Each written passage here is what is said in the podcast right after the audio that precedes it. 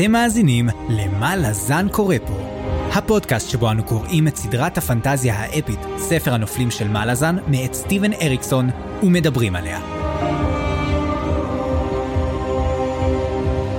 אני צפריר, ואני חיים. והיום פרק מספר 70, שבו אנחנו קוראים את הפרקים 15 ו-16, ונמשיך את החלק השלישי, למות בעכשיו, בספר הקריאה לכלבים, הספר השמיני בסדרה. פרק 70, אתה קולט ספר? אנחנו אומרים את זה כבר כל פרק, כבר קלטנו, כן, עברנו, תשמע, היה פרק שבוע שעבר, היה באמת, אבל וואו, 70 פרקים. 70 זה מספר פסיכי. טיפולוגי, זה כאילו 70 זה... וואו. 70 פנים ל... 70 פנים למעלה זה אני, הנה כבר, הנה יש לנו כבר שם, 70 פנים. ובכלל, למות בעכשיו זה מאוד מאוד ציורי, כי באמת בא לי למות בעכשיו. כאילו, אני מה זה, הראש שלי כבר, אני כבר עייף, אני גמור, אז אני לא יודע איך נעבור את זה, אבל ו-70 כוסות, אחרי 70 כוסות יין, כן, גם אני הייתי. כן, אה? שמע, זה קשה. כן. טוב, אני מקווה ש... שנצליח, שנעבור אז את זה. מאזינים, הולך להיות פרק מצחיק מאוד. אמ, למרות שהנושאים לא מצחיקים, אבל אני לא חושב שזה פרק ארוך, אני חושב שזה פרק שקצת היה מין כזה, מין... החלק הראשון שלו קצת יהיה נחשב ארוך יותר, חלק השני די יזרום מהר. לא יודע, חלק ראשון, שני, אני בכלל לא זוכר מה קורה פה, אז אולי תזכיר לנו, צפריר, מה, מה היה. וואו. אז בפרקים הקודמים של מה לזן קורה פה, עם בוקר אנחנו מגלים את מימדי הזוועה של הטבח הגדול בדרוג'יסטן. המלזנים קוברים את המתים, המתנגשים סופרים אבדות בכמות סיטונאית. אז מי יתייחס לעוד כמה מתים שנמצאים בסמטאות? אולי רק שומר אחד פשוט. פישר המסתורי מבקר אצל ליידי אנבי ומשיג ממנה טובה, בעוד שבמרתף של מקדש קרול אנחנו מגלים חטיף חדש, סגול לחמוץ.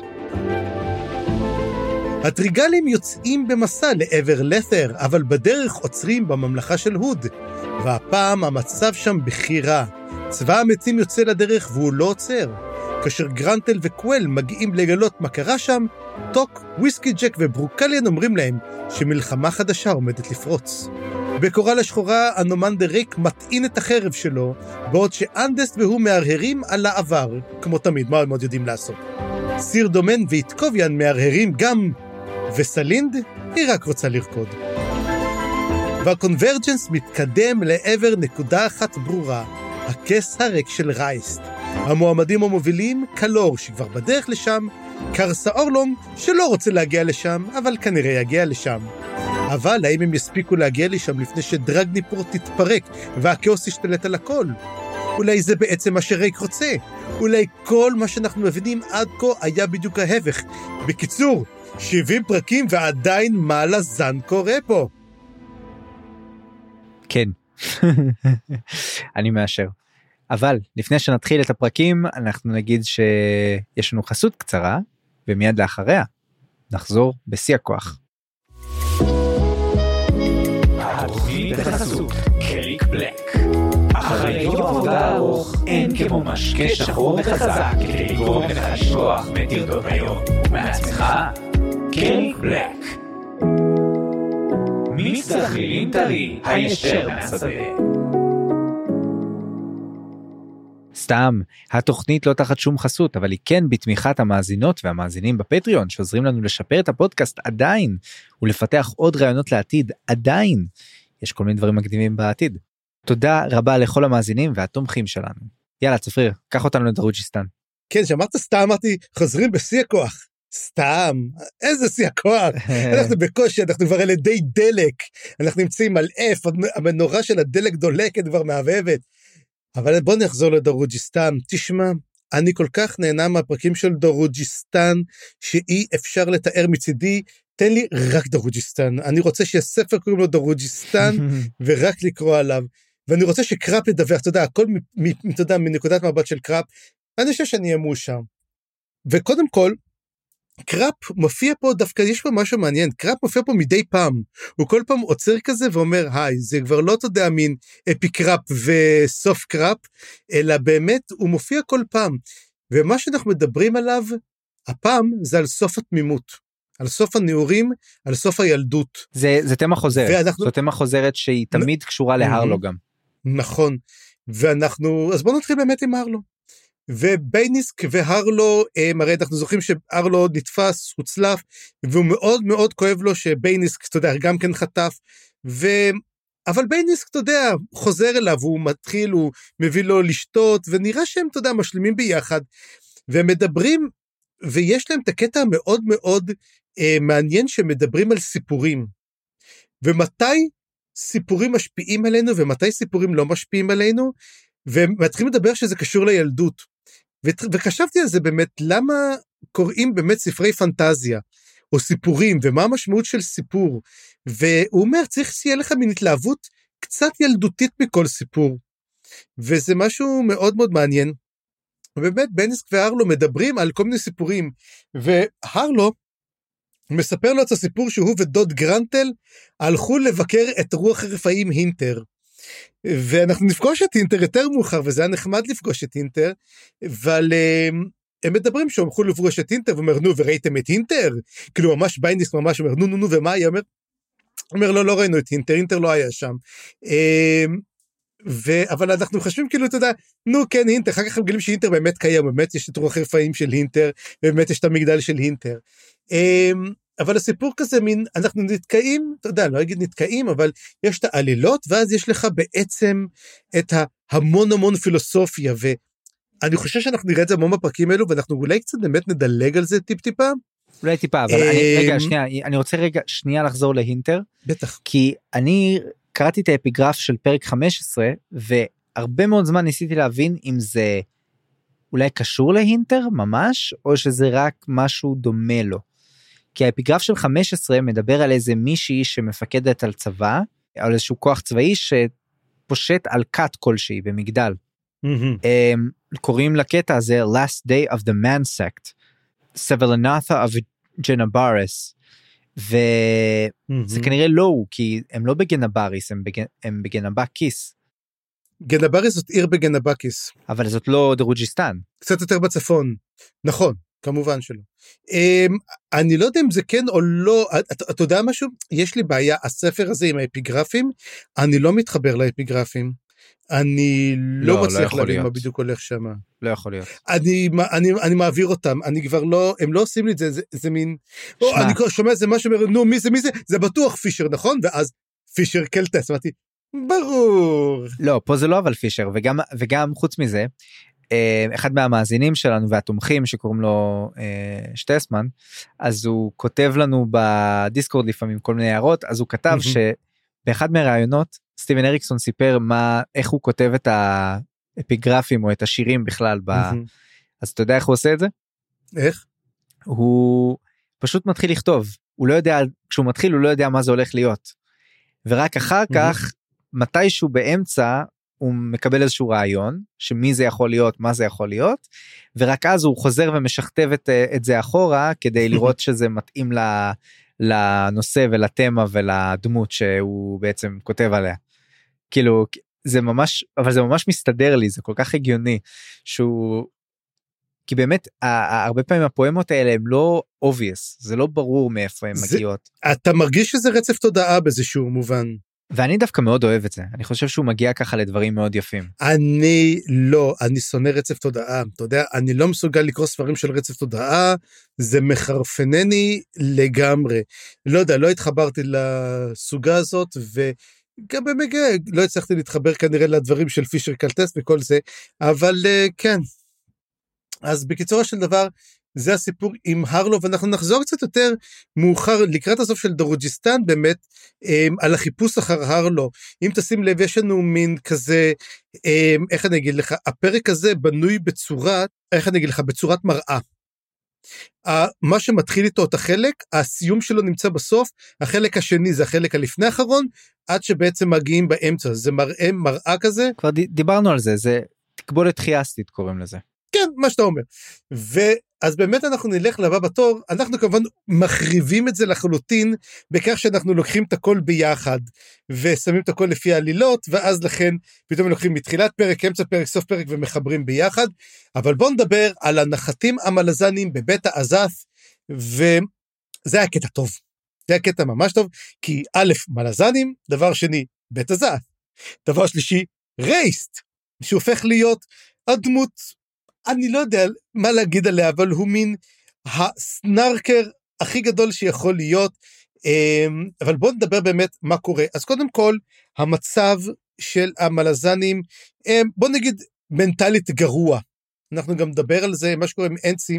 קודם כל, בלנד עצמה היא מתאוששת לבד, היא נפצעה הרי די קשה, ופיקר לא ישנה בלילה בגלל זה, היא ערה כל הזמן, היא לא מצליחה להירדם, אומרת לה את זה גם סילר, האם מטפלת בה, נותנת לה לשתות, נותנת לה לאכול, ואומרת לה, תדמידי שפיקר לא נותנת, והיא אומרת לה, נו, אולי באמת תתאוששי, אומרת לה, לא, אני מתאוששת לבד, היא בכל מקרה כבר אה, אומר, הולכת לחפש לה כבר מרפא בהיידנול, כי מה לעשות, מלט לא שרד את הקרב.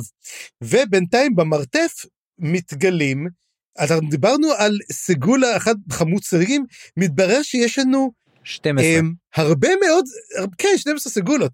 זאת אומרת, או שפישר היה מאוד מאוד עסוק, או שאנחנו צריכים לשכתב את תיאוריה. מה אתה אומר. לגבי זה? א', אה, אני רק אגיד לגבי, טוב לא, אני, אני אגיד את זה אחר כך, אבל פיקר ואנסי, המחלוקת ביניהם מאוד קריטית, כי היא באמת, באמת מסמלת את המצב כרגע של המלזנים, כאילו, מה הם הולכים לעשות, האם הם הולכים לתקוף או לא, האם הם מסוגלים עדיין לתקוף, האם הרוח שלהם, המורל שלהם שבור או לא, ונראה עוד איך זה יתבטא בהמשך, אבל זה, זה קריטי, החוסר הסכמה הזאת ביניהם. והדבר השני זה שכן, לגבי התיאוריה, מצד אחד זה לא שבר אותה לגמרי, זה רק אומר שפישר הוא עוד יותר בדס ממה שחשבנו, Mm-hmm. או אופציה שנייה זה, זה הסוג של מיני תיאוריה אחרת שנתתי בפרק הקודם, וזה הקשר בין אה, סגולה לקירול, שאולי הם הכהנים, לוחמים כהנים שלו, משהו mm-hmm. כזה, זה יותר מתקשר לכהנים של המגדל, ולמה שאמרנו לגבי ה... אתה יודע, אפילו עכשיו שאני אומר את זה, אפילו זה מתקשר לאפיגרף של פרק 15. סוג של כת אה, כזאת דתית שיש לה mm-hmm. גם אספקט לוחמני. אה, לך תדע, אני לא יודע, וגם אני לא זוכר מתי נאמר על הקטע הזה שהיו סגולה שלא רצו להילחם. זה בעצם פה כשהם מדברים על האופציות בעצם ויש תיאוריות שונות. כן, שלא לא כולם חייבים להילחם, זאת אומרת הם מדברים, אבל הם מדברים על נשים, לא גברים, גברים חייבים להילחם, נשים יש להם את האופציה לא להילחם. ואולי עדיין יהיה להם אה, מסכות, לא? אה, לא, לא אומרים את זה, הם, כנראה, הם לא עושות כנראה גם כן מהאי, אז אנחנו לא יכולים לדעת את זה, אבל מה שכן מעניין שבעצם אם הם לא עושות את זה, המטרה שלהם להביא המון המון ילדים, מכיוון שזו, תר, שזו תרבות שכל כל הטקס שלה הוא פשוט להרוג אחד את השני. אז נדרש מהם להביא, וגם כן, הם, הם, פיקר מאוד מאוד לא מקבלת את זה טוב, את הנקודה הזאתי. עכשיו, שים לב, כשהם אומרים, אוקיי, איך אנחנו נחקור, מה נעשה, אמר? ואז כאילו, פיקר ישר אומרת, יאללה, הולכים הם, לשחוט את כל הגילדה. אבל אז אומר, באמת אין זה, אומר, תשמעי, זה לא יעזור, אנחנו צריכים לגלות מי עשה את זה. אה, מי, מי הזמין את הגילדה, זה לא יעזור לנו, נחסל את כולם. עדיין יהיה מישהו, הוא ישלח בריונים, הוא ישלח בלאגנים, אין לנו מה לעשות. אומרים, אוקיי, אבל מי, איך אפשר לגלות מי יעשה את זה? ואז, למעשה, הם מתחילים לחשוב, אומרים, אה, אין לנו סיכוי, אולי פרה נדע. וזה מראה, אתה יודע, שהם עדיין מש"קים, הם, הם לא חושבים, אתה יודע, אנחנו צריכים את הקצין שיגיד לנו מה לעשות. הם לא... הם, המחשבה שלהם נתקעת, הם אומרים, אבל איפה, איפה פרה נמצא? פרה נמצא איפה? בבית העזס, אז בוא, בוא נדבר איתו, בוא נראה מה הוא יכול לעשות לנו. ואז אנצי, ואיך קוראים להם? אנצי ופיקר יוצאים לבית העזף. ותשמע, זה היה כזה מין קטע מצחיק. עכשיו, יש איזה קטע ארוך כזה עכשיו, שבאמת מדבר עליו אנצי, נזכר שהוא יותר צעיר היה. והוא מדבר על זה שעכשיו המצב הרבה יותר קשה מכיוון שהם, הם, הוא מרגיש שהם יותר משפחה, הם כבר לא מחלקה, הם משפחה כבר, וזה קשה לו הרבה יותר. בעצם אנחנו רואים את ההתרסקות של החבר'ה המלזנים פה, ואנחנו נתחיל לראות בעצם גם כן שיש לנו הרבה יותר בעיות. לגמרי, המחשבות של אנסי נורא טרגיות, כי בעצם כל מה שהוא מתאר וכל מה שקרה פה זה שהיה פה קבוצת חיילים שרצו לשכוח מהכל, הם, הם רצו לפרוש, אבל אתה יודע, אפשר להוציא את הכלב מהקרב, אבל לא את הקרב מהכלב. פה, עזוב, הם ניסו, כאילו, הם באמת ניסו, אבל לא נתנו להם לנוח. ו... תשמע, זה כמו הסנדק שלוש, אתה יודע, just when I thought I was out, they pull me back in. כן, אבל הסנדק שלוש לא קרה, אז אני לא יודע על מה אתה מדבר. ובכל מקרה... אה, אז הסופרנוס, אוקיי, הסופרנוס. הסופרנוס, אוקיי? לא ראיתי. אז יש לנו בעצם, אה, וואי איזה פרצוף, פרצוף מהסופרנוס עכשיו קיבלתי מצפריר. בקיצור, אני, אני התחברתי למחשבות של אנצי, הן נורא, נורא מתארות את ה... באמת עסק ביש שקורה להם והם הם רוצים להיות הם כבר לא רוצים להיות חיילים אבל גם זה מה שהיה נותן להם אולי קצת את החוסן ואת היכולת להתעלם מהכאב כרגע ולהגיד לא שזה לא היה כואב לא שזה לא היה עושה להם אולי דברים בהמשך אבל להתעלם ממנו כרגע בשביל להתמקד במשימה הם לא יכולים לעשות את זה. זה נכון. והם מגיעים לבית העזס בבית העזס דופקים בדלת ורייס פותח להם את הדלת. אתה יודע זה היה כזה מין היי כאילו זה בית עזס אבל כאילו השומר מכיר כנראה. אז הוא מגיע ואומר להם מה אתם רוצים? אז אומרים לו אנחנו רוצים לדבר עם פארן. אז הוא אומר פארן כבר לא נמצא פה אין לי מושג איפה הוא. אמ, אין לי מושג הוא אומר אבל אם אתם רוצים אני יכול אה, להביא אתכם לתת לכם בעצם דרך לדבר איתו אבל אני רוצה שתיתנו לי משהו בתמורה. אבל אומרים לו מה הוא אומר זה משהו מטורף כזה זה אומר לא לא לא זה משהו פשוט לא תהיה בעיה עם זה אומרים לו נו בסדר שוין אנחנו נעשה את זה, הוא מספר להם, והוא לוקח אותם לחדר שנראה כמו בית הקלפים אה, שבבית העדה, שזה חדר שכולו קלפים בעצם, של המקום הזה, והם יוצרים קשר. היינו שם פעם, אני חושב. זה איפה שפארן כן, השתמש קפצו... בפעם הראשונה כשהוא קפץ בין הקלפים נכון בעצם מאוד. והגיע למאחז החיות. כן, ואחרי שהם עושים את זה, הם מוצאים את הקלף של פארן, והם אומרים מה לעשות. אמ, ואז הוא אומר שבעצם מישהו צריך להיכנס לזה. ובהתחלה אני הייתי בטוח שאנצו הולך לעשות את זה, אבל פתאום פיקר פשוט לוקחת את המושכות והיא יוצרת קשר עם פארן. והיא נכנסת כאילו למין טראנס, והיא רואה את פארן, ועכשיו פארן מופיע כשהוא נמצא באזור כפרי והכל בוער שם. אז פה בעצם השאלה, מה קרה? איפה אתה חושב שפארן נמצא? הוא אומר, נחתנו במקום רע אמ, אנחנו מנסים להסתדר עם מה שקורה. אתה חושב שפארן הגיע ללסר? תראה, אני לא בטוח, אני חושב שהוא עדיין אה, מתמודד עם השלכות המגפה שם, לא? בשבע הערים עדיין. עברו שנים, עברו שנים, אתה חושב שהוא עדיין שם? לא יודע. כמה מגפה יש, מה הוא עושה, אני לא יודע. זאת שאלה באמת. אולי הוא במשהו אחר לגמרי, אולי הוא באיזה... איך קוראים למקום ההוא? אסייל? אסייל או משהו. קורל? כן. הסייל. יש מספיק מקומות. אה, זאת השאלה, ואז למעשה הוא אומר כמה דברים מאוד מאוד חשובים. הוא אומר, ברוק, הוא אומר, תשמעו, מה שקורה בדרוג'יסטן יסתדר בסופו של דבר, זה לא דבר חמור. מה שאומר שלא משנה מה יקרה, אנחנו נגיד, אוקיי, אנחנו לא צריכים לדאוג למה שקורה בדרוג'יסטן, אז למה הבאתם לנו את הסיפור הזה, כאילו, אני רוצה לדעת מה קורה עם פארן. אז הוא אומר, תשמעו, ברוק יודע מה לעשות, יהיה בסדר, אבל כן אומר, אתם צריכים להזהיר אותם. ואז היא אומרת לו, מי? על מה אתה מדבר? והוא לא אומר מי זה, אבל הוא אומר, תמסרי את האזהרה הזאתי, זה חשוב מאוד, הם צריכים להיזהר. לקראפ לצלופח, הוא אומר. הוא אומר, דברים קראפ, דברים הצלופח, נכון. ואז מה שקורה, מגיע, ואז פתאום מישהו, איזה נוכחות שנמצאת שם, אומרת, מה קרה? עכשיו אתם, פעם הייתם הולכים פה, היה לכם צמידים, היום כבר אין לכם. הוא אומר, אוקיי, והוא פשוט מתחיל לקרוע, והוא קורע את הקלף, יש ציפורניים שקורעות את הקלף, הוא מתחיל לקרוע לה קצת את המוח, היא מתחילה להשתגע, כמו שדרך אגב גם רייסט אמר שסיכוי גדול שהולך לקרות. והוא מתחיל לקרוע לה את המוח, והיא, פיקר פשוט uh, משתגעת, ונכנסת לקומה.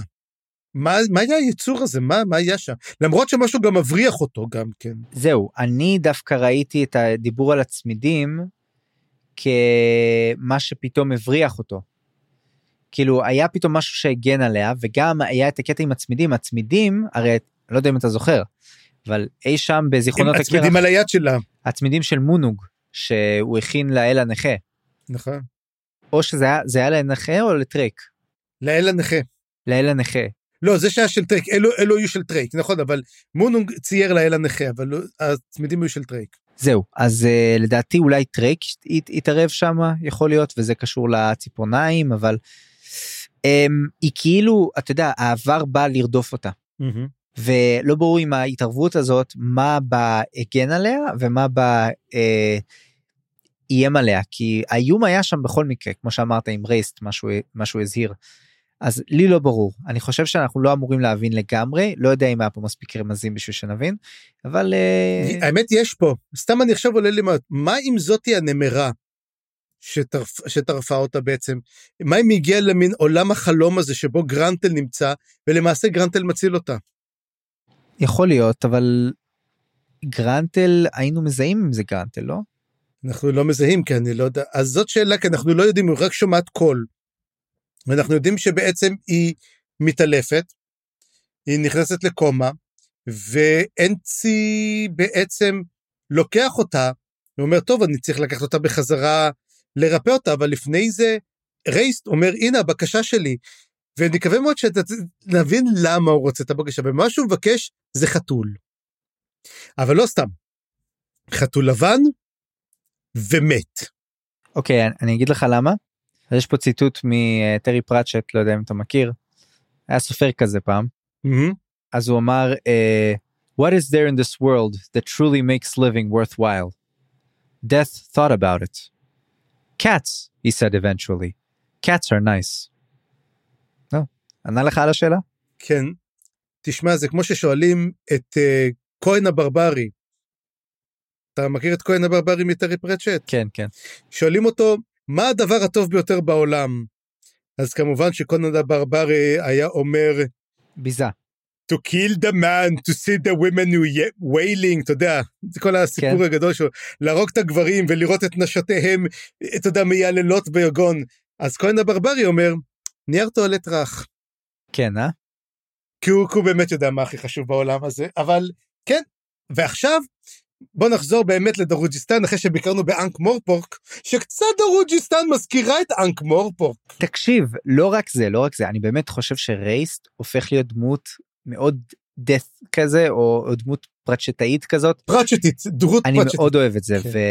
וגם ראינו את זה מקודם קצת עם ה... אתה יודע התחושה של איך שהוא התמודד עם פארן אתה יודע עם הכביסה אתה, אתה מצפה שאני כבר אעשה לך את הכביסה כאילו היובש ההומור היבש שלו שגם אפילו הנחתים אומרים על זה כן. אין אני נראה לי שהבנתי את ההומור שלו התחלתי להבין את ההומור אני חושב הוא מאוד מזכיר לי את מרווין ממדריך הטרמפיסט לגלקסיה. הוא גם כן מין משרת כזה ש... אוי טוב נו נעשה את זה אולי באמת את רייסט אם אפשר זה נו זה שעשה את אה, סנייפ איך קוראים לו? אלן ריקמן. אלן ריקמן, תראה איך המוח שלי לא עובד היום. אז אלן ריקמן, אם הוא היה חי, הוא היה יכול לעשות את רייסט. אוקיי, I'm a big ג'גות. אוקיי, בקיצור, הוא לוקח אותו, אמ, אנסי לוקח את אמ, פיקר בחזרה לפונדק, ושם אנחנו רואים שבלנד כבר התרפאה לחלוטין באמצעות, אה, הביאה לו את המרפא סילרה, והוא בא מסתכל על פיקר ואומר, אני לא יכול לעשות כלום. או שתתעורר או שלא. מה שאוקיי, שמנו כבר פיקר, ואז עכשיו הם אומרים, מה הולכים לעשות? כאילו, עד שאומר מה לעשות, אז אומרת לו פיק, אז אומרת בלנד, מה הולכים לעשות? הולכים לפגוש את הצלופח. מה שמראה שבעצם התשובה תמיד הייתה שם, הם פשוט לא יכלו לקבל אחריות. בלנד מתעוררת והיא באמת מובילה אותם. אמ, היא בעצם הראש של המשפחה כרגע, היא במעשה לוקחת את התפקיד אה, של פארן, והם הולכים באמת לפגוש את הצלופח, אנחנו לא פוגשים עדיין את הצלופח, וזה בפרק הבא כנראה שנראה, ואז אני מחכה מאוד מאוד מאוד לראות את זה.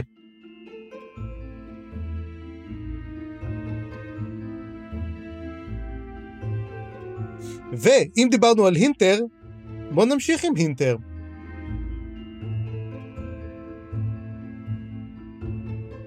אז ברוק והינטר מדברים ביניהם. ובאמת מבינים שעריץ חדש עומד להגיע, ולכן הינטר אומר, אוקיי, אני אעזור לך. אני הבנתי, לא יודע אם זה נכון או לא נכון, שהינטר היה אחד מהקבל והוא הלך. זה הגיוני. והוא עדיין נמצא שם, או שפשוט מדובר ברוח עתיקה מאוד של דורוג'יסטן, שפשוט הקבל משתמשים בה. זהו, אה, אה, אופציה שנייה אולי הוא ג'גות, כזה רוח של ג'גות או משהו, אבל אה, אני לא יודע אם לג'גות יש רוחות בכלל. או, אנחנו נדבר על המוות ועל הג'גותים.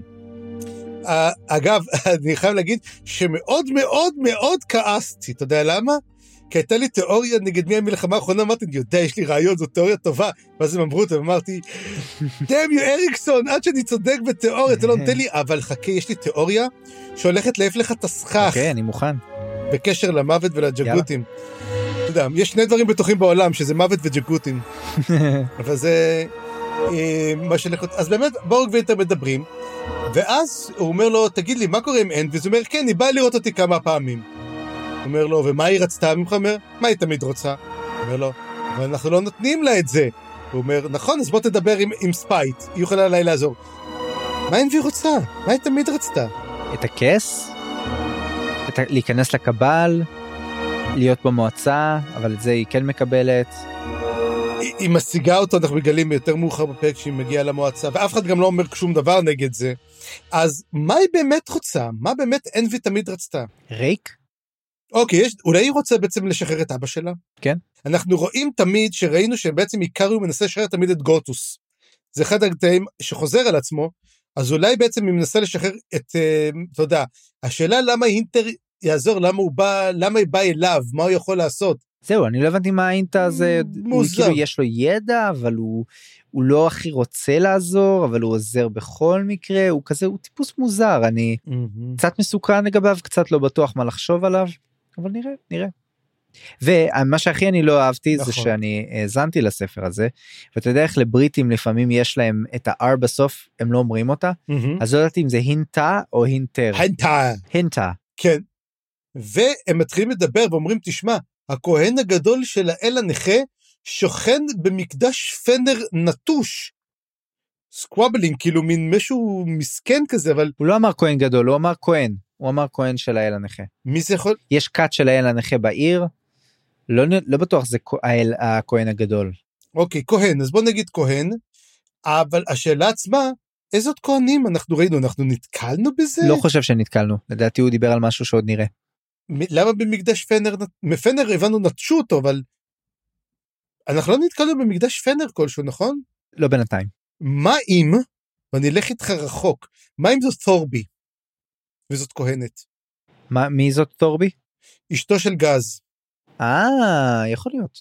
והאבנים מסביב זה בעצם המקדש הנטוס של פנר, אה, בעצם הבית שלהם זה במקדש פנר נטוס. אבל אבל אבל פה דווקא נראה שהוא דיבר על כת כלשהי זה לא נראה שיש לה עוד מאמינים או כת סביבה. היא די סולו. אוקיי. כן, אז זהו סתם, אני, אני תן לי זרוק תיאוריות. זה סתם התיאוריות הקטנות לפני התיאוריה הגדולה שלי, חכה, אני בונה, אני בונה את זה. ואז בעצם, הוא אומר לו, תשמע, אני רוצה מישהו שנשלח להגן עליך? הוא אומר, אוקיי, אין בעיה, מי אתה שולח? צ'ילבס, אז הוא אומר, אה, הוא. אוקיי, כאילו אף אחד לא אוהב את צ'ילבס, הוא צ'ילבק כזה, אף אחד לא אוהב אותו. ואז הוא חוזר בחזרה הביתה, וכשהוא חוזר הוא נזכר בשיחה שהייתה לו עם וורקן, ולמעשה אומר לו, מתברר שלוורקן יש בת שהם הבריחו אותה, הם שלחו אותה רחוק משם. לא הבנתי מה הקשר, אבל מתברר שוורקן באמת, היא הייתה אחת מה, מהמחשבים, והיא בכוונה ניסתה לחסל את כל הקבל מבפנים. היא קיבלה את החוזה, ואיך אומר, היא די קיבלה אותו בשמחה. שמע אה, הקטע עם וורקן כאילו גם הרגיש לי מעניין אבל אבל יש כל כך הרבה דברים שעוד אה, נשארו כשאלות פתוחות. וכן היא קצת יותר התברר התחדד שם העניין הזה של המחלוקת הפנים קבלית שהיא כן בגדה בהם אבל הוא ידע שהיא תבגוד בהם או כאילו לא זה לא זה לא שהוא נותר לה טינה או משהו כזה. היא אומרת לו למסור בסוף לדרודן שהיא כבר לא רוצה להיות חלק מהסיפור שמע זה היה כאילו מאוד מוזר הסיפור אה, איתם ואני לא יודע עדיין מה לחשוב עליו גם. גם אני לא, אבל תשמע, חיים, אני מעביר את השרביט אליך, אבל לא סתם את השרביט, את הקלף שרביט אני מעביר אליך. ואני חושב שהגיע הזמן לפינה ישנה, מוכרת ואהובה. מה אז חיים וצפריר קוראים בקלפים? קרוב, חיים וצפריר מסתכלים על קלפים וחושבים לעצמם מה מה לעזאזל קורה פה? מלאזן קורה פה. אה חיים חיים וצפריר מדברים על קלפים יאה! יאללה. חיים וצפריר מדברים על קלפים. חיים וצפריר מדברים על קלפים. טוב צפריר תשמע. אנחנו חוזרים לא בחזרה ג'ינגל כי אם זמריר. אנחנו- זמריר, אנחנו- זמריר זמריר אבשל- אם, אם, אם, מה אם אבשלום קור מאזין לנו עכשיו? חס אני צריך לקבל ממנו. טלפון עכשיו? תודה. אני רוצה לה, אני רוצה להלחין זמריר עבור צפריר ייי. יאללה אז uh, אנחנו בעצם נמצאים עם טיסרה שהיא אשתו של טורוולד שדיברנו עליה יש לה כוחות קסם ויש לה לא רק כוחות קסם יש לה גם איש מאוד מתוסבך שקולט שהולכים לקרות דברים רעים והוא אומר לה בבקשה תגידי לי Mm. שהכל יהיה בסדר. ת, ת, תעשי את מה שאת עושה שם אה, אה, תוודאי את זה ואז היא בעצם מחליטה לקרוא בקלפים אבל היא לפני זה מנפנפת אותו ואומרת לו ללכת אה, לפונדק הפניקס. אז זה, זה מצחיק הסיפור פה. בכל מקרה כן היא מוציאה קלף חפיסת דרכון סודית והיא מבצעת קריאה אבל לפני זה אנחנו מבינים שני דברים דבר ראשון שהיא הולכת לבצע אותה בצורה ספירלית ואנחנו יודעים שיש שיטות שונות לקריאה בקלפים אפשר לסדר בכל מיני דרכים. היא תס, תסדר את זה בצורה ספירלית שיש קלף אחד מרכזי שכל שאר הקלפים יהיו קשורים אליו. דבר שני שאנחנו מגלים זה שיש לה שני קלפים מיוחדים בחפיסה שהיא הכינה לבד custom. קלף אחד לדרוג'יסטן וקלף שני לרודן. לא ברור אגב אם זה רודן ספציפי לי עדיין לא ברור או שהכוונה ל... אתה יודע רוד... תמיד יש רודן. יש איזשהו איום על העיר האיום הוא תמיד רודן וזה הרודן אני לא יודע. היא גם מתארת שהיא שונאת את הקלף הזה היא מפחדת ממנו היא לא הייתה רוצה שהוא יהיה בחפיסה אבל היא נאלצה היא חייבת אותו בשביל לעשות קריאות. אגב, אם, אני- אם, אם אני לא טועה, גם כן טאטרסל עשתה קריאה ספירלית. כן כן הייתה שם קריאה כזאת נכון איפשהו בספר הראשון כבר ואיזה כיף, כן, ואיזה כיף שהקלפים חזרו. גם חזר דרוג'יסטן וגם קריאת קלפים. כן שמע יאללה בוא נעבור על, הקריאה, על הקריאה ונראה אם אנחנו יכולים להבין קצת משהו מהסיפור פה. אז יש לנו בעצם במהלך הקריאה תשעה קלפים. עשרה קלפים בעצם. וזה די בצורה כמו שאמרת תקבולת חייסטית אז גם בקלפים יש את הדבר הזה הם, הם די בצורה באים ב, ב, בצורה סימטרית לפחות והקלף הראשון זה קלף העיר. היא אומרת איזושהי הערה לגבי זה שהיא חיפשה את ההווה היא לא מחפשת את העתיד היא, היא לא רוצה לדעת מה יקרה למרות שהיא קצת מקבלת את זה היא רוצה יותר בקריאה הזאת להבין מה המצב כרגע. והקלף השני היא שולפת את החבל. והיא אומרת רגע החבל זה קשור לגילדה לא זה כנראה לא רק קשור לגילדה והיא מזכירה גם את קוטיליון זאת אומרת טיסרה יש לה ידע יש לה היא מכירה אה, את קוטיליון היא יודעת על בית הצללים למשל היה לה שם כל מיני אמירות שאמרו לי שהיא יודעת הרבה יותר ממה שאנחנו חושבים שהיא יודעת.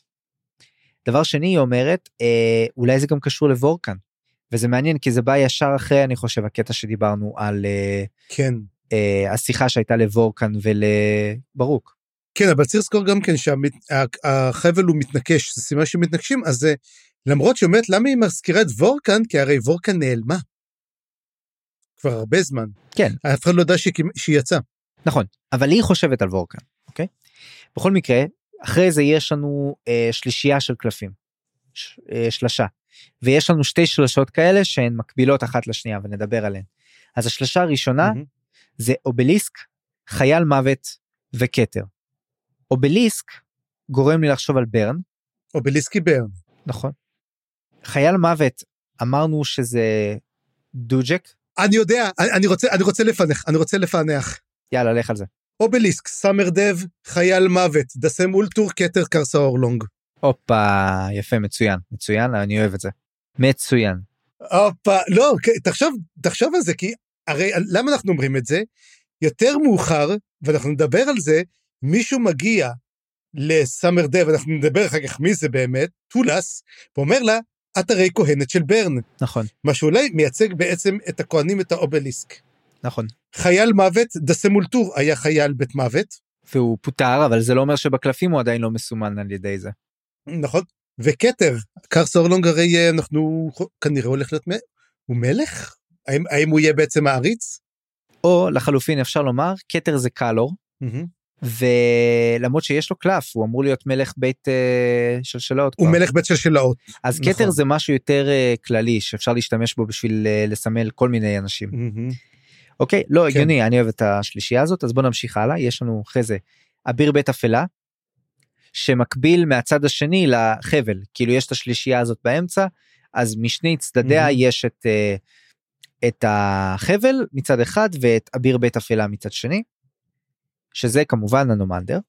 אחרי זה יש לנו עוד. שלישייה, מלך מוות, מלך בשלשלאות ודסמברה, שזה מאוד מעניין. מלך מהמם. מוות, אה, אנחנו יודעים מי זה, זה הוד. זה הוד. מלך בשלשלאות זה האל הנכה, לא סליחה זה קלור. הוד וקלור. נכון. ודסמברה. מי זה דסמברה? דסם, אוקיי, זה הבעיה. דסמבר אני הייתי בטוח שזה דסמול טור, אם אני לא טועה, כן, אבל דסמברה היה בקבילת האל הנכה. אדון הטרגדיה, כמו שאומרים. הרבה אומרים שזה דסמול טור, בגלל זה יכול להיות שזה מי שיופיע פעמיים, לא בטוח. רגע, חייל בית מוות, זה לא, זה לא בודן? לא, זה אביר בית מוות. אז מי חייל בית מוות? כי הוא היה גם, דסם אולטור גם היה, אני- מה שאמרנו, אמרנו בעבר שזה אולי וויסקי ג'ק. לא, וויסקי ג'ק היה בנאי בית בנאי מוות. בית- אז דוג'ק, אמרנו על דוג'ק, על דוג'ק. דוג'ק. Mm. בכל מקרה, whatever. אני, אני אומר שדסמברה, לא נראה לי שזה דסם אולטור, לדעתי זה משהו אחר. אני אגיד לך מה. אני יודע ש, שאני עכשיו ב, ב, ב, אני עכשיו תקוע על פישר, אז אני אגיד אולי זה קשור לפישר. אוקיי. כי למה? כי קוראים לו אדון הטרגדיות. מי כותב טרגדיות? Hmm. אה, סופוקלס. וחוץ ממנו, פישר. פישר. אז אני אומר, אולי זה פישר? לא יודע, אני לא יודע, זאת לא תיאוריה פיקנטית כמו בשבוע שעבר, אבל אני כן מאוד אוהב אותה גם. מהמם. והקלף האחרון שיוצא לנו, וזה הקלף השני המיוחד שלה, זה הרודן. וכן, נראה שיש איזה רודן שמאיים על העיר שהולך ומתקרב, והשאלה אם זה קלור, או זה קרסה, או זה משהו אחר לגמרי, והקריאה נשלמת, ויש לנו בעצם ספירלה גמורה, ומובילה בין עיר לרודן, וטיסרה אומרת, זהו סוף העיר. רואים שהעיר מתקדמת לאבדון, וזה לא סתם שטורוולד מרגיש שהוא בסכנה, הוא באמת מהמם. בסכנה. שמע, זאת הייתה קריאה מאוד מעניינת. האמת כן, אבל אולי בוא נחשוב ככה, אולי חייל מוות זה צולס שורן? הוא לא נלחם במוות? הוא לא, הוא דווקא משרת אותו. אנחנו נראה את זה שהוא משרת את אה, המוות. נכון, נכון. תשמע, אבל איך אנחנו יכולים לפרש את הקריאה הזאת? כי אנחנו רואים בעצם את הדמויות, אבל מה זה אומר לנו בעצם, חוץ מזה שהעיר בסכנה? האם המתנגשים, האם החבל מסמל את המתנגשים? אה, מה זה אומר קולה? מה זה אומר על הנומנדרק? האם הנומנדרק עומד להגיע עוד פעם לדרוג'יסטן? שמע, איני יודע. איני יודע. זאת שאלה טובה, ואני, לא- האמת, כמו שכמה שאני אוהב לקרוא את הקריאות האלה ולתת את הפרשנות שלנו, למשל את הקטע של אה, השלישייה הראשונה שאתה הצעת, לא, לא היה אפשר להבין את זה עד שלא קראנו את החלק של סמרדב שבא אחר כך. אז אני אומר, כל, אני אומר שעוד נחזור לקריאה הזאת לדעתי, נשים עליה אה, סימנייה נשים עין, עין, כן. כן. אוקיי. יאללה אז בוא בוא נמשיך אה, לדבר הבא שבעצם אה, מגלה טיסרה היא אומרת שגם לטורוולד יש איזושהי חפיסה והיא סוג של מחפשת אותה ועל הדרך היא מוצאת את הסטש הסודי שלו. ובסטש הסודי שלו היא מגלה כל מיני דברים מעניינים צפריר היא מגלה בד מורנטי כחול. שאריות קסם קדום שיוצא ממנו ודווקא היא מזהה אותו כקסם של מהל מהמם. והיא מזהה זוג כפפות מאור כלבי ים שמאיפה זה הגיע. גרזן הטלה כלשהו עם סימול... סימונים מיוחדים וכזה חריטות. אגב, על, על הגרזן רק, הגרזן הזה זה גרזן של, אה, של סי ריידר, של אותם יצורים שתוקפים כל הזמן את uh, קורל. ודבר אחרון שהיא מוצאת זה 13 רימונים כמובן שהרימון ה-13 כמו המסורת המורנטית שכבר גילינו אה, לא באמת מלא. אבל הם לא רימונים רגילים הם כזה מאוד מאותרים ויפים ומיוחדים Mm. ולא עשויים מחמר. שמע עם שאריות קסם. מה קורה עם הטורוולד הזה מאיפה הוא היה מה הוא עשה מאיפה הוא השיג את זה היא חושדת שהוא גנב את זה ממישהו אבל אני כבר לא בטוח צפריר אני כבר ממש לא בטוח. אגב, אנחנו נראה גם כן ש... בדיוק, בוא נדבר רגע על השיחה באמת של טורוולד עם קראפ, כי יש משהו שקשור במיוחד לרימונים האלו. לבד מורן, סליחה, יש, סליחה. כן מיד לאחר מכן טורוולד מודיע לקראפ שרליק רוצה לפגוש אותו ושזהו יאללה צריך סוף סוף לסגור את ה feud הזה המשפחתי. מהמם. הוא אומר שהם רבו פעם שבגלל זה טורוולד ברח אבל מה זה אומר על, המור... על הבד הזה של המורנטים צפריר אני לא מבין. שמזכיר, הרי קראפ מדבר עם טורוולד, הרי טורוולד יושב שאומר, שמע, אני חייב להיפגש עם, עם רליק, הוא חייב, אז הוא אומר לו, אין בעיה בזה, והוא מזכיר משהו על המורנטים הכחולים. ואז הוא, רגע, ואז פתאום טורוולד אומר, רגע, רגע, מאיפה הוא יודע? מי אמר לך את זה? מאיפה אתה יודע את זה בכלל? כאילו, והוא אומר, רגע, אני, אף אחד לא אמור לדעת את זה. הוא מתעלם מזה, את... אה, אה, הוא, הוא, כאילו הוא מטאטא את זה מתחת לשטיח אה, קראפ, הוא אומר, כן. אה, לא יודע, שאני עכשיו- שומע כל מיני דברים, אני לא יודע מאיפה זה היה. אגב, צריכים. לזכור כזה דבר, המורנט הכחולים יודעים שהם חיים ליד הים, ואנחנו יודעים, עכשיו, מבינים כנראה שהכסף שלהם הוא מייל, עכשיו אנחנו יודעים, מה אנחנו יודעים על המורנט? שגם כן הם למדו את כל הקסמים שלהם מהטיסטי אדור. למעשה הקסמים הישנים שלהם. האם יש קשר למה יש לו, אפשר להבין למה יש לו בד מורנט ורימונים, אבל זוג כפפות מאור כלבי ים וגרזן הצלה של סקדר, האם הוא הגיע לקורל? האם זה, האם הוא הגיע לקורל ושם הייתה המריבה? אבל איך בכלל טורוולד נום נלקח? הרי אנחנו תופסים אותו שהוא עבד, נכון?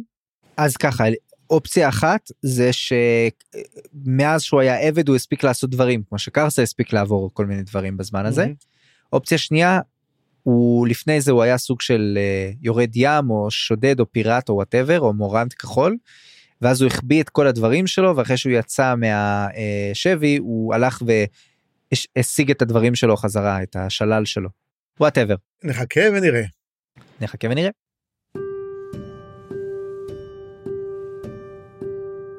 ובוא נעבור לסיפור האהבה העגום שלנו של קאטר וצ'אליס. אתה כבר עושה להם shipping אני רואה אה, קאליס צ'אטר מה מה אתה מה אתה אומר? קאליס, קאליס. קאליס אוקיי. אז שמע אני לא לא יודע זה לא נראה לי שיפ זה נראה לי עגום מאוד הקטע שם. הם כן הם ביחד הם מקיימים יחסי מין. עצוב, עצוב מאוד, עצוב מאוד. אבל זה לא שהם שמחים מהעניין. אה, זה לא כנראה לא יפסיק זה כנראה לא משהו שהם מוכנים להפסיק אבל אה, הרגשות המורכבים שלהם באים משני הצדדים אבל אנחנו בעיקר שומעים את זה אלה של קאטר. יש לו חרטות מאוד גדולות ובמיוחד הוא חושב פתאום גם על סילרה הוא אומר. אתה יודע עד שאתה לא מאבד את מה שהיה לך אתה לא מעריך אותו אז פתאום הוא חושב על סילרה והוא אומר אפסלר אני שמח שהיא ברחה באמת אף אחת לא צריכה להיתקע איתי. אבל הייתי מה זה זוועה עם סילרה והוא הוא נורא כועס על עצמו. פתאום יש לו שיחה עם צ'אליס והיא חושבת על ארוחת הבוקר שלה עם גורלס. ושמה זה נהיה באמת באמת אה, אפל כי נראה שגורלס מנצל את העובדה הזאת שהוא יודע מה קורה איתה. הוא זה אפילו מעורר אותו במובן מסוים. הוא כאילו מחפש את זה הוא השלטון הזה והכוח שלו שיש עליה זה מה שהוא אוהב זה מה שהוא מחפש וזה היה לי קצת קשה אה, הקטע הזה אבל גם אה, מצד שני הכוח שלה ועמדת ה- ה- אה, שלה כרגע זה שהוא לא יודע בכלל מי זה קאטר. קאטר הוא סוג של ג'וקר כזה שהוא לא מודע אליו הוא לא יודע איך לנצל אותו. ואולי הוא חושד שיש לה איזשהו מאהב אבל הוא בטח חושד בשרדן לים לא? לא, הוא יודע, הוא יודע ששרדן לים ו... אמ, אור, איך קוראים לו? השני. טורבן אה, לא אה, הנוט הנוט אור. הנוט אור יודע שהם כבר לא מדברים, הוא כועס עליו, הוא על זה, יודעים שזה קשור, אומרים, הוא אומר, אולי זה קשור לאיזה בחורה גם, כן, הוא צוחק ככה איתה. הוא חושב, הוא חושב שהוא יודע מה הולך, אבל גורלוס הוא טיפוס נאלח אה, ברמות מאוד מאוד מאוד אה, קשות. ותשמע יש פה בעצם אולי פתח לזה שהיא תבקש מקאטר לפגוע בגורלס זה נראה לי לשם זה הולך כי כשהיא מזהירה אותו לגמרי. קאטר לא מפחד והיא דווקא מפחדת פתאום מקאטר. וזאת הנ- זאת הנקודה היא כאילו מגלה רגע זה לא אותו בחור שהכרתי כשהוא היה צעיר.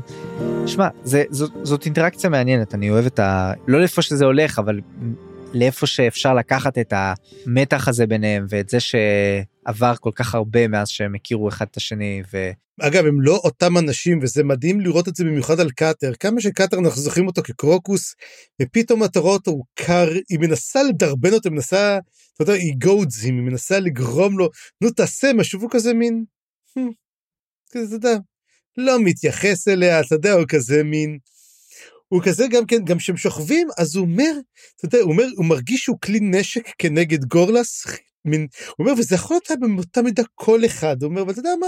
אין לי בעיה להיות הבן אדם הזה כרגע. ממש לא. הוא, הוא ממש כבר, אתה יודע, הוא ממש לא אותו בן אדם, הוא ממש ג'יידד גם.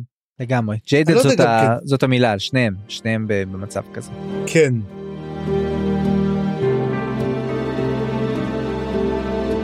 ובוא נעבור בעצם לשאר מה שקורה בפרק בדרוג'יסטן ונסגור את החלק. זה בעצם כל הנקודות הקטנות שאתה קראת להם עסקים כרגיל כן? בר, ברטול מרביץ לאנשי הגילדה עוד פעם. פה יש קטע ארוך עם מוריליו האמת שאני חייב לומר אני האזנתי לזה בדרך פעם באוטובוס מתל אביב ופשוט נרדמתי כמה פעמים בחלק הזה ואני לא יודע מה איזה שינה פספסתי. טובה הייתה לך, אתה אומר, כן. אני לא מצליח uh, לזכור אם פספסתי משהו לא קלטתי שם יותר מדי דברים אז תשלים אם יש פה משהו שפספסתי אבל מוריליו uh, מאוד דואג לסטוני והוא קולט שכמה שהוא לא מחפש הוא לא מוצא מה קרה להרלו וזה אוכל אותו והוא גם קולט מצד שני שסטוני בסכנה היא אולי במצב שהוא מרגיש שהוא אובדנים אפילו והוא מנסה לעזור לה אבל הוא לא כל כך יכול אבל הוא אומר שיש לו איזשהו דבר אחרון שהוא יכול לנסות שהוא עוד לא מהמם. עשה אותו. יש לך תיאוריות מה זה הולך להיות? הצלופח. אוקיי, אוקיי, יכול להיות למרות שהוא כן דיבר איתו כבר לא? הוא אמר שיעשה את זה עכשיו, הוא לא עושה את זה, כי הוא, מה שהוא עושה, הוא הולך ומחפש למעשה גופות של ילדים. כל פעם שיש, הוא מחפש גופות של ילדים שאומרים, והוא לא מוצא. אמ, ואז הוא אומר, באמת, יכול להיות, או שהוא פשוט ילך לברוק ויבקש ממנו אה, לחפש אותו באמצעי קסם. עכשיו, אני לא יודע מה, מה מערכת יחסים בין מורילו לברוק, זאת השאלה. וחוץ מזה יש גם את הנקודה הזאת שהיא מסמלת לו באמת שהיא סוג של נפרדת בזה שהיא מבקשת ממנו לקחת את הבית ספר. נכון. אה, אסטוני היא רוצה, בקיצור- היא רוצה למכור לו אותו, כן. ומצד שני יש את הנקודה שבה הוא באמת נפגע נפשית מהעיסוק הזה בגופות של הילדים אני חושב שזה פוגע בו מאוד. מוריליו מגלה פתאום שאכפת לו ולדעתי זה זה בדיוק מה שהוא היה צריך הוא היה צריך פתאום לגלות שהוא עדיין אכפת לו ממשהו. אבל כי- מצד אבל- שני זה אבל טרג- כן, זה כן טרגי. או לא. תראה, הוא מתאהב, הוא התאהב בו, גם אומר, מצאתי במי להתאהב, מצאתי גם ממש את הזמן. וזה עצוב שמורילו שאת כל החיים שלו עסק בזה, פתאום מצא מישהי שהיא לא טובה לו. היא לא באמת טובה לו. היא בהחלט לא משהו בדרך כלל הלך עליו אבל לדעתי יש בה בדיוק את מה שהוא היה צריך עכשיו. בשביל לתת לו משמעות פתאום והקטע העצוב זה שיכול להיות שזה הולך לכיוון של טרגדיה וזה אולי ישבור אותו. אבל אה, לא יודע אז תביא את פישר ונכתוב איזה טרגדיה קטנה. מצוין. יאללה אז תשמע אה, בוא נעשה הפסקה קצרה. אנחנו לא רוצים שהפרק הזה יתארך יותר מדי ומיד לאחר מכן נחזור ונראה מה קורה בהמשך. There are times when you just need something to take your mind away from it all.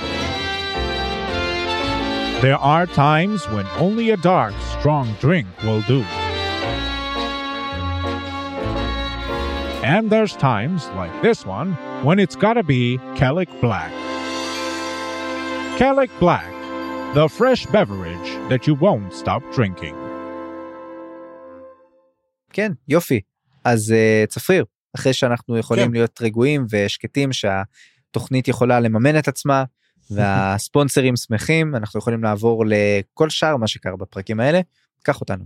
כן, אז אנחנו פה בחלק שקראנו לו פשוט כל השאר את ג'ורג'יסטן וכל השאר. אז אנחנו מדברים על מה שנקרא חלק ראשון קלור והדרקון, שזה נשמע כמו ספר ילדים נחמד, אבל זה רחוק מזה לגמרי. אז אותו דרקון על מת שהיה, הולך ומבקר כל מיני אנשים במדבריות של, אה, דו- של אה, אה, גנבקיס, והראשון הוא בוחר לבקר את קלור. ועכשיו, קלור, אני רוצה כבר להגיד דבר ראשון, קלור זה אחת הדמויות שאני הכי שונא. אני לא חושב שיש בה משהו אנושי, אני חושב שזאת אחת הדמויות הנוראות ביותר שיש, אבל אולי זאת הפעם היחידה שהיה פה רגש אנושי לקלור, וזה היה חלק מדהים. ובו בעצם הדר... ונראה לי שאני כן. גם אגיד אני, אני גם חושב שאני יודע למה אבל uh, נגיע לזה. אנחנו יודעים שקלור מאוד מפחד מהמוות. מאוד. הוא מעריך את החיים שלו באופן לא טבעי, הוא לא נשגב, צריך לזכור את זה. קלור לא נשגב. הוא מעריך את השנים שלו על ידי, יש לו את הנרות האלו שהוא שואב את נרות השנה. הוא שואב נרות וככה בעצם הוא חי את כל השנים האלו. והוא גם מדבר על להיות מלך ומה המשמעות של להיות מלך. ואנחנו מדברים על זה גם כן, ובאמת הדרקון העל מת אומר לו, מדבר לו, אומר לו, אתה מרגיש את הכאב שלי? הוא כאילו אומר לו, מה קרה, אתה כבר בחרת לעצמך אדון, אני רואה. אז עכשיו השאלה, האם באמת הדרקון העל מת בחר בהוד, או שבחר באל הנכה? במי מהם הוא בחר? באל הנכה. ולדעתי אגב זה אותו דרקון שברח מהטריגלים? כן, כן, כן, זה אותו דרקון, לגמרי אותו דרקון. אז אה, כן הוא בורח ממשעול הוד לדעתי הוא לא רוצה את הוד הוא רוצה את האל הנכה. ואנחנו נדבר גם על ה... עכשיו שהוא מספר את ההיסטוריה שלו זה ברור למה הוא לא רוצה להיות בצד של הוד. כן, ואז אנחנו מבינים למעשה שקלור, אגב, קלור גם כן אומר דבר אחד, אומר, תשמע, האל הנכה מחר פה, מחר שם, הוא לא יסוד עוד הרבה זמן, אבל מה כן? הכס יישאר לנצח. וזה מראה שלמה שמה שהוא מדבר בעצם, הוא מש... בשבילו האל הנכה זה means to an end. הוא משתמש באל הנכה והוא יזרוק אותו ברגע הראשון שהוא לא צריך אותו. שזה מעניין שפעם ראשונה שאני רואה מישהו שעושה את זה בעצמו. והוא גם כן מאמין שאלו ימיו האחרונים של הנכה, הוא לא הולך להחזיק מעמוד עוד הרבה זמן. ואז באמת מדברים על ההיסטוריה של כל ה... של הג'גותים. אז הוא אומר לו, אתה זוכר על המלחמה של הג'גותים? אז הוא אומר, אתה מתכוון למלחמה נגד הטלנימאס? הוא אומר לו, הוא אומר, תאמין לי, אם הג'גותים היו מתחברים ביחד, הם היו מחסלים את כל הטלנימאס. הם ממש לא היו צריכים, ממש, הם לא כוחות נגדם. פשוט הג'גותים, אין להם את היכולת להתחבר כחברה מספיק לארגן מספיק אנשים בשביל לחסל צבאות עולים, ולכן הטלנימאס באמת מחסלים אותם כי הם כן יכולים להתחבר. זה בדיוק ההפך מביניהם. אבל הוא אומר, הם כן נכנסו למלחמה, ולא רק מלחמה הייתה להם, מלחמה קדומה שהם גם כן חלק מהדרקונים גם הצטרפו אליה. אז הוא אומר לו, נגד מי הם נלחמו? אז הוא אומר, הם נלחמו נגד המוות. הוא אומר לו, אני לא כזה בקיא בהיסטוריה ג'גהותית. ואז הוא אומר, בעצם אנחנו נלחמים נגד המוות, אבל פה אני אתן לך את התיאוריה שלי. וכל הפרק בניתי בשביל התיאוריה הזאת, סתם. אני מוכן אני מוכן. אבל אנחנו זוכרים כזה דבר, אנחנו זוכרים שלמעשה, ב, אם תשים לב, בלטרס, ולטר בעצם, כל יבשת לטר, אין מוות. כי למעשה, המשעול עצמו של המוות הוא, אתה יודע, אין בעצם משעול למוות, אם אתה שמת לב, יש את המשעול של הוד. ואז אני חשבתי על זה, ולמה בלת'ר למשל אין מוות? והרבה דיברו על זה, נכון? הרי אין מתים. האם זה קרה בגלל גוטוס, האם זה קרה בגלל דברים אחרים? ואז אני חשבתי לעצמי את השאלה הזאת, מה אם אחרי שחוסל המוות והם ניצחו את המוות, עדיין היו את כל הנשמות והיו צריכים למעשה לצבור אותם, לאגור אותן איפשהו. ולכן, עריץ ג'גהותי בשם הוד. פתח לעצמו משעול, והמתים מגיעים לשם. Hmm. והמשעול הריק זה המשעול של המוות. מעניין מאוד. מעניין. שמע?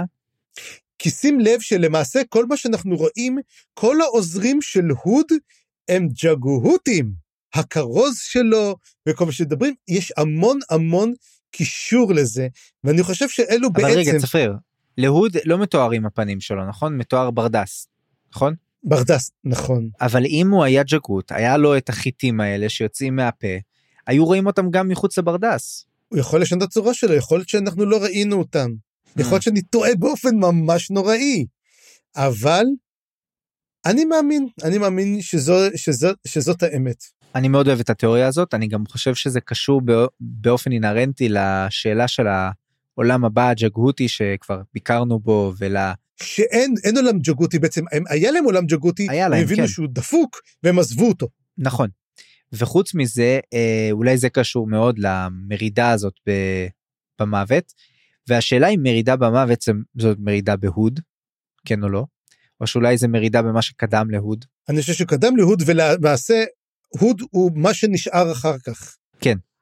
בקיצור זאת שאלה וזה באמת גם מעניין הקישור שעשית ללת'רס והיבשת ההיא מהמם. מה קורה שם אני אני אוהב את זה בקיצור נחמד למרות ששם זה יכול להיות גם להיות קשור לגוטוס אבל אה, יכול להיות שגוטוס והוא שיתפו פעולה, בזמן שהוא בעצם סגר את ה... אתה יודע, שלא יהיה מוות שם, כנראה הם הקפיאו, כנראה מה שקרה, הם הקפיאו את, את העולם לגמרי, כן. כדי שלא יהיה מוות, ובכל השאר פשוט הם נאלצו לעבוד, אבל לך תדע. אבל בכל מקרה, קלור מאוד מתרגש ברגע הזה, הוא ממש, כאילו, אני חושב אפילו שהוא מזיל דמעה. כן, ואני גם נזכר באפיגרף של 16. ו- ואני אגיד את זה כי אני יודע שאתה לא לא תתייחס לזה אז אין לי מושג אבל אני חושב שזה היה של פישר נכון? כן אחד זה היה של של פישר. פישר.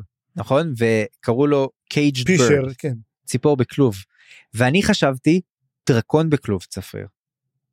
חוץ מזה שבסיפור הזה יש גם את האזכורים של מוות ולמשל אה, הוא מדבר על רגע המיטה ועל זה שהנשמה עוזבת מהמם. כאילו ברגע האחרון את הכלוב שלה בעצם זה ה- על כן. זה השיר.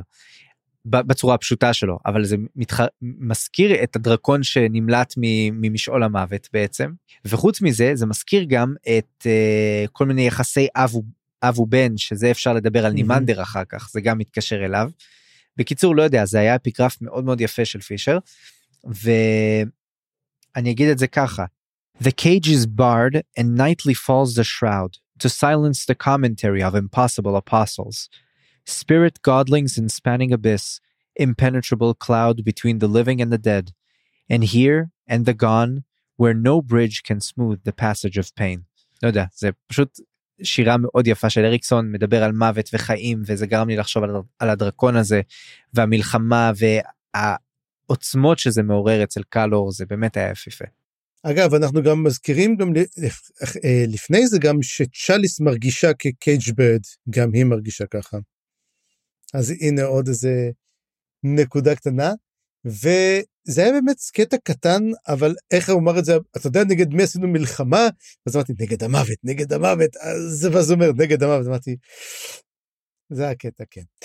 אז בוא אגב, נלך אני, אני לא ידעתי אם הוא יגיד את זה, זה היה נראה כמו טיז גם, כזה שהוא לא, הוא לא יגיד איזו מלחמה. זה כן גם אני הייתי ואז אני אמרתי ואז אני רשמתי לעצמי יש משהו יש משהו יש וזה נמחק הכל delete טק טק טק טק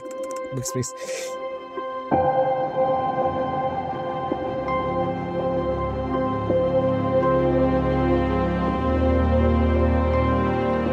backspace. קיצור בוא נתקדם לחלק של קורל השחורה שזה um, חלק של שני חלקים מין העלילה אני לא יודע אם תגיד אם אני צודק או טועה. העלילה של קורל השחורה של נימנדר ממש הופכת להיות דלת שומן. כן, היה שם כאילו- המון אה, דיונים פילוסופיים לגמרי. כן, וזה כזה מין, זה לא דרוג'יסטן, פתאום קלור נהיה מעניין, אז כאילו, ובכלל, סמרדר, אנחנו נדבר מה שקורה שם, אבל מה שקורה באמת, אנטס מתחיל לחשוב ולחשוב פילוסופיות על, אתה יודע, אני קראתי לזה אפלטון, כאילו, על המהות של הדברים, מה זה אור, מה זה חושך, הוא נזכר בשמש שהופיע בקרקנס, הוא נזכר בכל הדברים האלו, והוא נזכר גם כן בזיכרון של אנדריסט מגואל בדם. ועכשיו יש לי תיאוריה קטנה גם לגבי זה, אבל זו? ממש תיאוריה קטנה, שאנדריסט רצ... הרג את אשתו. אוקיי, אנחנו הרי זוכרים שהייתה לו אישה, ושהאח שלה הוא זה שהוא קטוע ידיים ורגליים. אני חושב שגם... אנד... בדרגניפור, קדלב... אה, קלבסה, איך שקוראים לו? שהוא, שהוא, ה- אה, המקעקע, המקעקע. מקעקע לעת מצוא. כן, אני חושב שהוא גם כן קרע את הידיים ואת הרגליים שלו.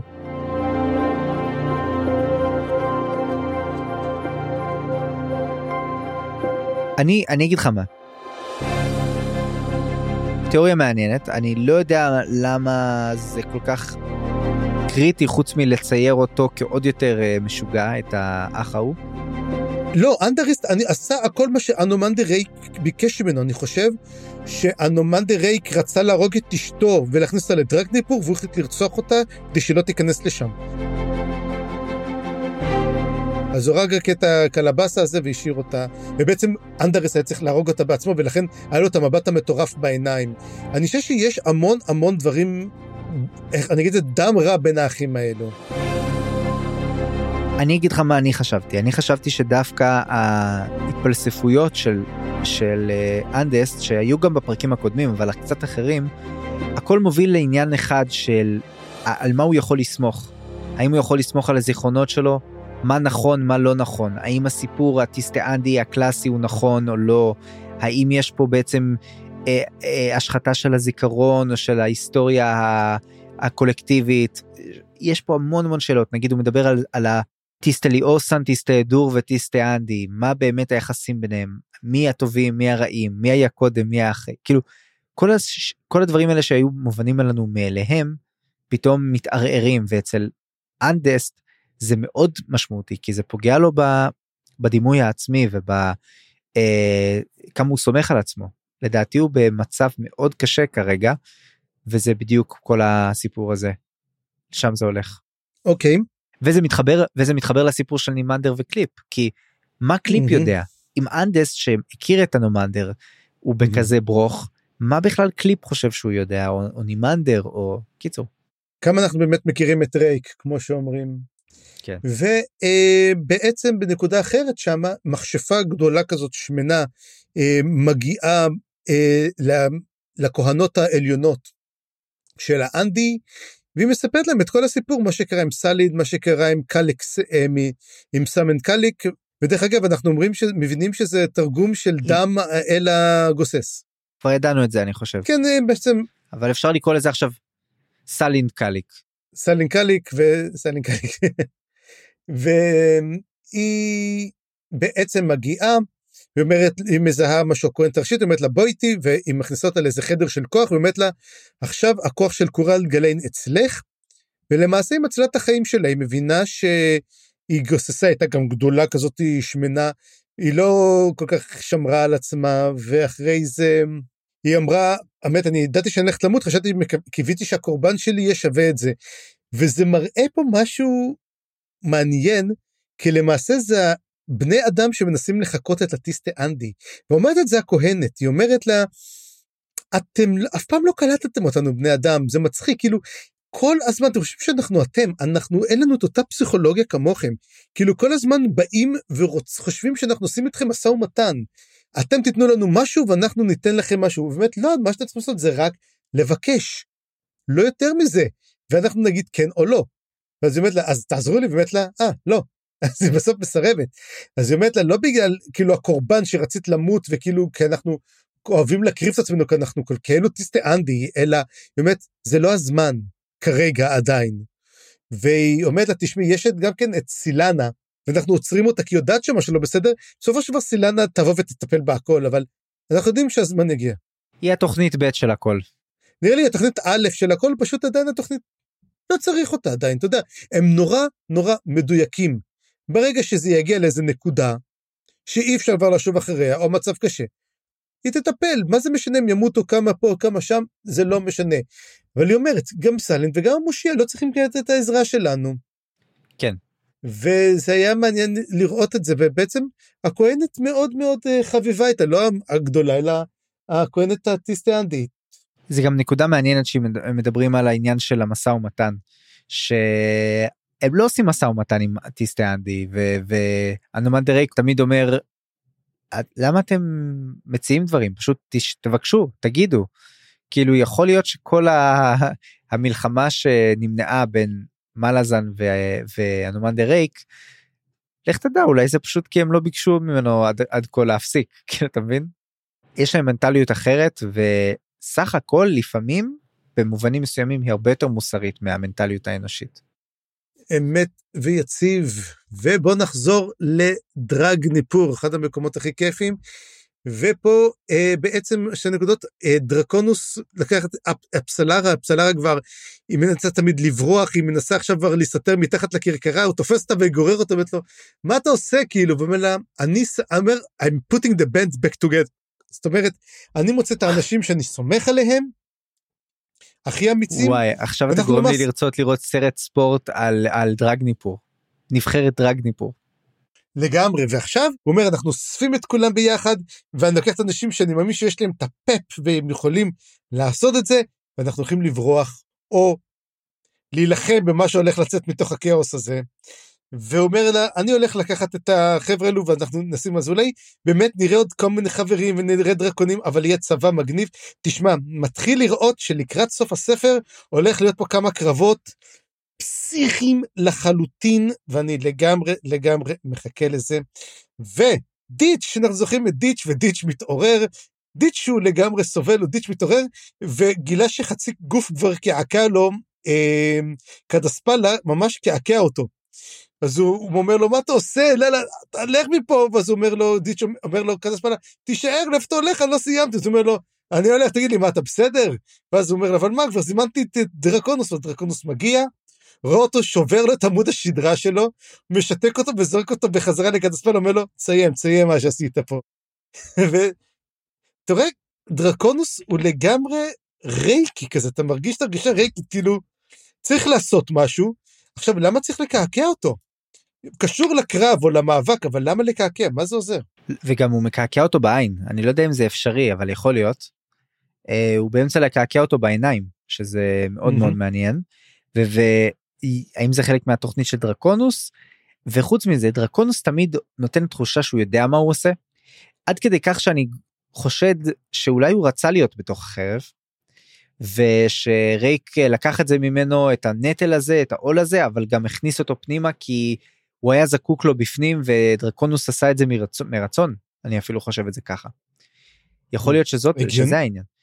ואפסלרה בדיוק מדברת על העניין הזה שהיא אומרת הבן אדם היחיד שמבין באמת את החרב ומה שהיא מסמלת ואת הנטל שלה וכולי זה ריק והיא פשוט כאילו מתמלאת ברגשות הערצה כלפיו והיא אומרת אה, שזה פסיכי כי כי הוא השווה שלה והיא לא אוהבת אותו במיוחד.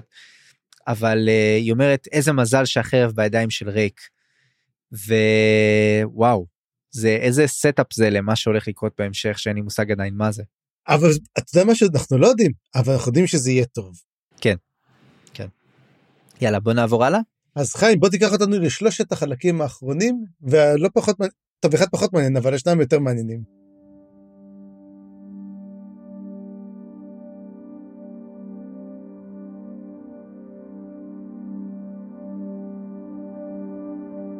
אז החלק האהוב על צפריר החלק על נימנדר אה, וזה אני hater! אני שמע, אני hater! אגיד את האמת פשוט הוא היה כל כך קצר וחסר משמעות שאין כל כך מה לדבר עליו. אגב, בדיוק, האמת, אתה יודע בדיוק כשנגמר, אמרתי, זה הכל? בבקשה אל תחזרו. והם לא חזרו. שמע לא זה מהקטעים האלה שאני אומר לפעמים אריקסון בגלל הג'ינגול הזה של מלא מלא נקודות מבט וקווי עלילה וזה כן. לפעמים יש לו קטעים שזה פשוט כאילו לזכור שהדמויות עדיין קיימות אתה יודע מה אני מתכוון. הוא כאילו כן. יש לו אולי טיימר כזה שאומר אה כבר לא ראינו אותם כמה עמודים טוב בוא נזכיר אותם פה Mm. לאיזה פסקה ונחזור הלאה. והוא גם כן מדבר על, וכל פעם אם תשים לב, שהוא מביא אותם, הוא מביא את זה מנקודת מבט של מישהו אחר. זאת אומרת, סקינטיק היה בפרק הקודם, דיברנו מנקודת מבט של סקינטיק, פה אנחנו מדברים מקדוויס. נכון אומרת- וקדוויס אמ, לא הייתה הכי מעניינת לקריאה והיא וגם אבל מה שהיה פה מעניין זה באמת ההשוואה בין איך שהם רואים את קליפ ואיך שקליפ רואה את קליפ. אה, ומבחינתו הם לא, לא ממש הצילו אותו. הוא סיכן את חייו בשבילם וזה בעימות שלו נגד האל הגוסס. והשאלה פה היא גם עד כמה הוא יצליח לפני שהם יגיעו באמת לראות האם הם מביאים אותו לאנומנדר או שהוא מוביל אותם לאנומנדר. וזאת השאלה פה בעצם. יש פה יש פה מסך ביניהם. הם לא מתקשרים הם לא מצליחים להבין אחד את השני. האם זה יישאר ככה האם הם יהרגו אחד את השני עד שהם יגיעו אני לא חושב ש... אני לא חושב שמנסים גם להבין אחד את השני, אתה יודע, הם מדברים, אתה הבנת? לא- אני לא סובל אותו, אתה יודע מה? גם אני לא סובל אותו, אבל אף אחד לא סובל אותו. כן אה? והם גם אומרים, למה אנחנו כל הזמן לוקחים אותו? למה אנחנו עושים את זה? ואני שואל, למה באמת עושים את זה? לא יודע. מה שאני כן יודע שאנחנו עוברים לקרסה ולחברים שלו. אז ו- רק דבר אחד לפני קרסה גם כן, קליפ מגלה שרייק למעשה עוצר אותו. הוא יכל להגיע דרך קורל גליין, אבל הוא חוסם אותו. כבר גילינו כמה פעמים שהוא חוסם אותו, והוא אומר, למה הוא נותן לי לעשות את הדרך הארוכה הזאת? ויכלתי להגיע לשם. השאלה אם, הוא אומר, רייק מעכב אותי בגלל משהו. ואנחנו רואים שיש המון המון המון עיכובים. אנחנו רואים את העיכוב, כמובן, אם אנחנו נדבר באמת באמת על קרסה אורלונג, על דסה מולטור, שמעכבים אותו כוחות אדירים כדי שלא יגיע למוות, ופה מעכבים את קליפ כדי שלא יגיע לרייק. ויש סיכוי שאם אנחנו מדברים פה על תקבולת טריאסית, ששניהם למעשה יהרגו, או יחליפו אותם. יכול להיות שלמעשה דסמולטו יהרוג את הוד ויתפוס את מקומו.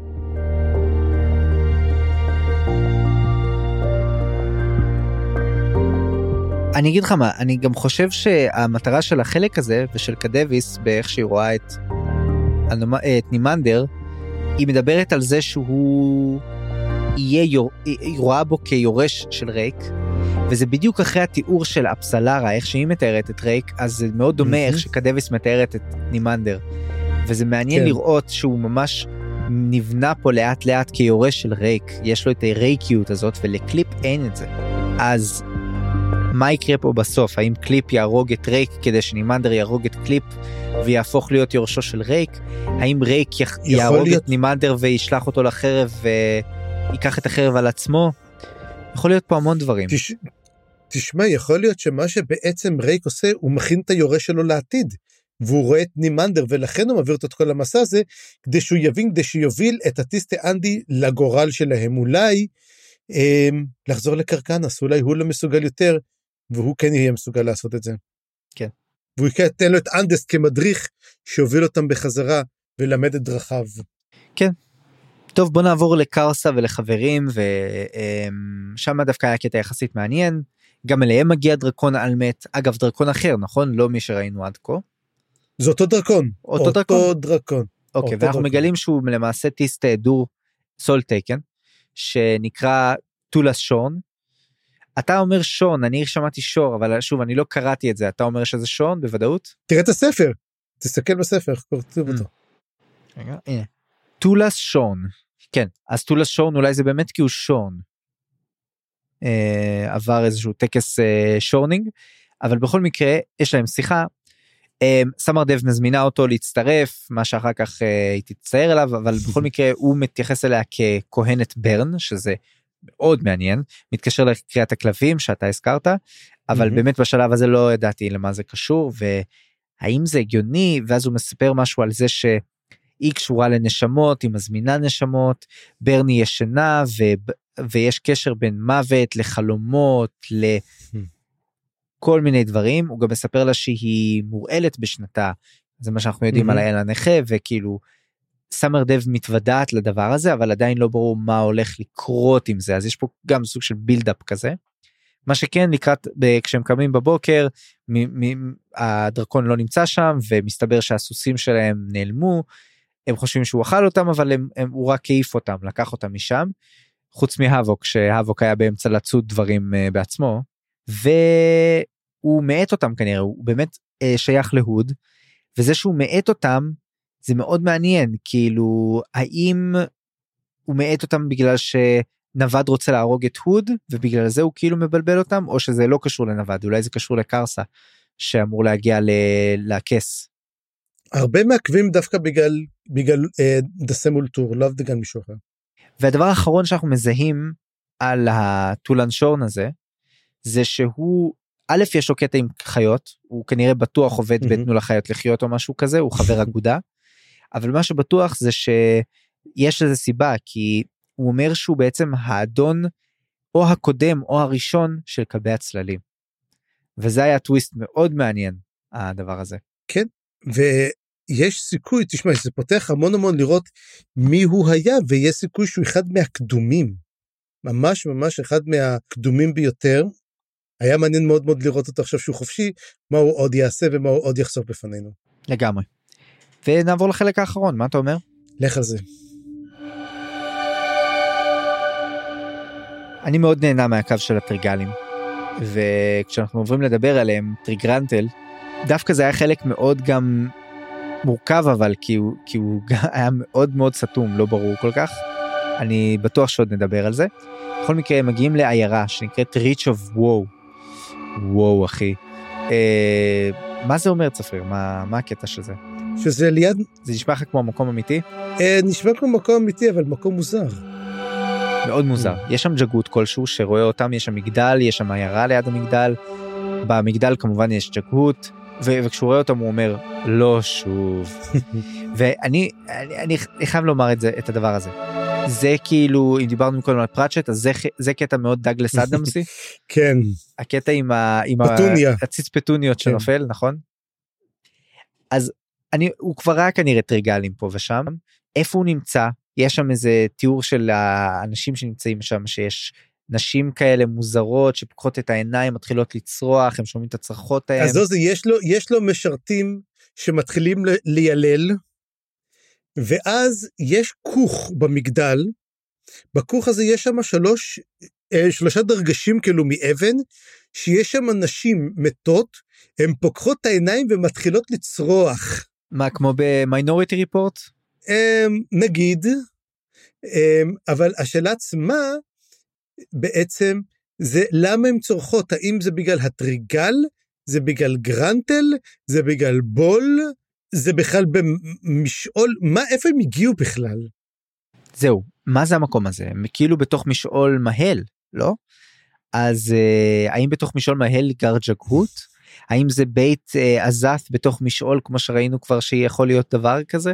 שמע זה היה ממש מוזר ולא רק זה יש שם מספאה מהמם. או איזה פונדק או whatever. וכמובן תרגלם איפה הם יושבים הם יושבים בפונדק. ושם אה, תוהים למה כולם ירדו למרתף סגרו את הדלת זה נראה כמו הזיה גדולה אחת ואיפה גרנטל איפה גרנט איפה החלומות של גרנטל כאילו פתחנו כל מיני דברים איתו ופתאום זה נראה ממש מוזר מה שכן יש לו שיחה שם עם מפו והם מבינים שהרעש שם שקורה זה לא בדיוק סערה קורה שם משהו אחר זה אולי קשור לאנשים האלה או כן. לשאר האזרחים של המקום. לא לא יודע. היה לי מעניין לקרוא את זה אבל גם זה נורא סתום אני עדיין לא יודע מה קורה שם. אני חושב שזה מין חלק ראשון של משהו שאנחנו הולכים לראות אותו בפרק הבא, שיהיה עליו הרבה יותר הסברים, אבל אה, עדיין לא, זה כאילו, אתה יודע, פותחים, פותחים לנו סתם טיזר כזה למשהו. אבל לגמרי. זה מעניין, זה מעניין. זה גם התחלה של חלק אז אני אומר היא פתאום מת- מתחילים להרגיש את הלמות בעכשיו. זה מתחיל לקבל את, ה, את הצליל הזה של מה היה שם עם המוות מהמם. המלחמה במוות הרצון להרוג את הוד. מעניין. אני אוהב את זה. אז מה אתה אומר? אני חושב שנעצור לעת עתה. מה אתה אומר? זהו לעת עתה. בפעם הבאה נקרא את הפרקים 17 ו-18 ונסיים את למות בעכשיו, החלק השלישי בספר הקריאה לכלבים, הספר השמיני בסדרה. אני חיים גורוב גלברט. אני צפריר גרוסמן.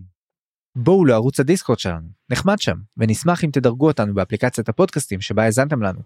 ואם בא לכם לתמוך במה שאנחנו עושים, אפשר לעשות זאת דרך פטריון. יש מלא דרגות תמיכה ותשורות מגניבות. טוב, אתם כבר יודעים את זה. פרטים בתיאור הפרק. עריכה וסאונד חיים גורוב גלברט.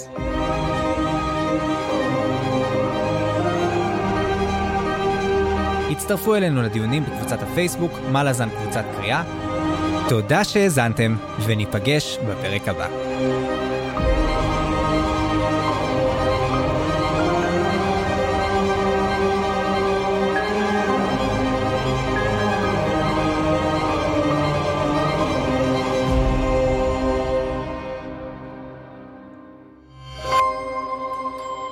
היזיון, הסכתים פנטסטיים.